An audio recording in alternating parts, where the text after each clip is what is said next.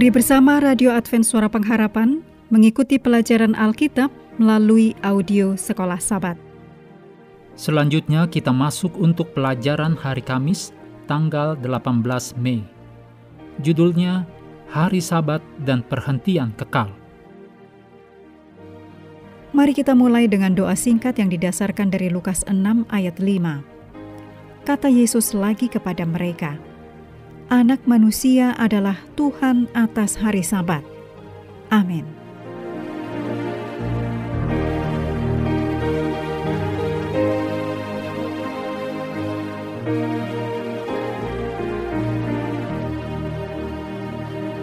Sabat adalah tempat perlindungan di dunia yang lelah.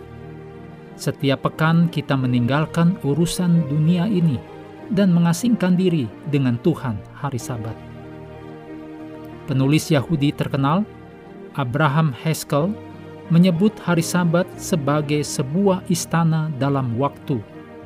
Setiap hari ketujuh, istana surgawi Tuhan turun dari surga ke bumi, dan Tuhan mengundang kita ke dalam kemuliaan hadiratnya selama periode 24 jam ini menggunakan seluruh waktu untuk persekutuan yang intim dengan Tuhan. Dalam bukunya tentang keindahan dan kehikmatan hari Sabat, Haskell menulis tentang pentingnya hari Sabat dengan kata-kata ini. Hari Sabat adalah metafora untuk surga dan kesaksian tentang kehadiran Allah dalam doa-doa kita, kita menantikan era kemesiasan yang akan menjadi sabat. Dan setiap sabat mempersiapkan kita untuk pengalaman itu. Kecuali jika seseorang belajar bagaimana menikmati cita rasa sabat, seseorang tidak akan dapat menikmati cita rasa dari kekekalan di dunia yang akan datang. Pada penciptaan, Yesus membangun tempat tinggal khusus bagi kita. Kita bisa menemukan perlindungan di sana. Kita bisa aman di sana. Pekerjaan Yesus tuntas, sudah selesai.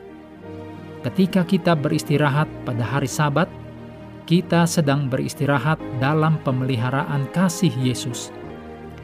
Kita sedang beristirahat untuk menanti perhentian kekal kita di langit baru dan bumi baru yang akan segera datang.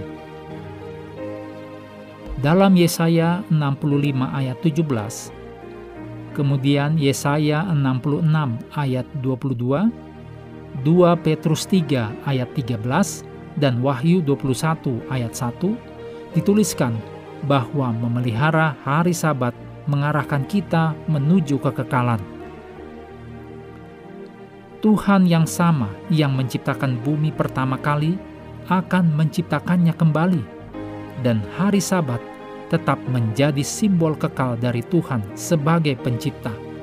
Demikian ditulis dalam Yesaya 66 ayat 23. Kenyataannya, orang-orang Yahudi telah melihat hari Sabat sebagai tanda suatu pengalaman pendahuluan dari apa yang dalam bahasa Ibrani disebut olam haba yaitu dunia yang akan datang.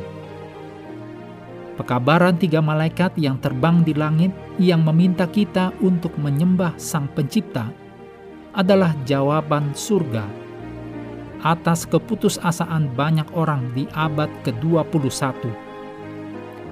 Pekabaran ini menunjukkan kepada kita Sang Pencipta kita yang pertama kali menciptakan segala sesuatu dan kepada penebus kita dia yang akan, setelah penghakiman, setelah dosa dihapuskan, membuat segala sesuatu menjadi baru.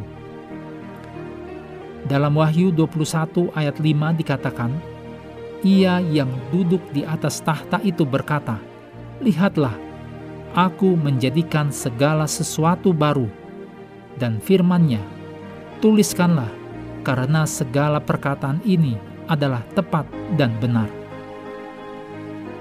Mintalah tuntunan Roh Kudus agar Anda dapat secara pribadi menjadikan hari Sabat sebagai cita rasa surgawi dalam hidup Anda sendiri dan keluarga Anda. Mengakhiri pelajaran hari ini, mari kembali kepada ayat hafalan kita dalam Efesus 3 ayat 9. Dan untuk menyatakan apa isinya tugas penyelenggaraan rahasia yang telah berabad-abad tersembunyi dalam Allah yang menciptakan segala sesuatu. Kami terus mendorong Anda mengambil waktu bersekutu dengan Tuhan setiap hari bersama dengan seluruh anggota keluarga, baik melalui renungan harian, pelajaran sekolah sahabat, juga bacaan Alkitab sedunia, percayalah kepada nabi-nabinya, yang untuk hari ini melanjutkan dari Mazmur 12. Tuhan memberkati kita semua.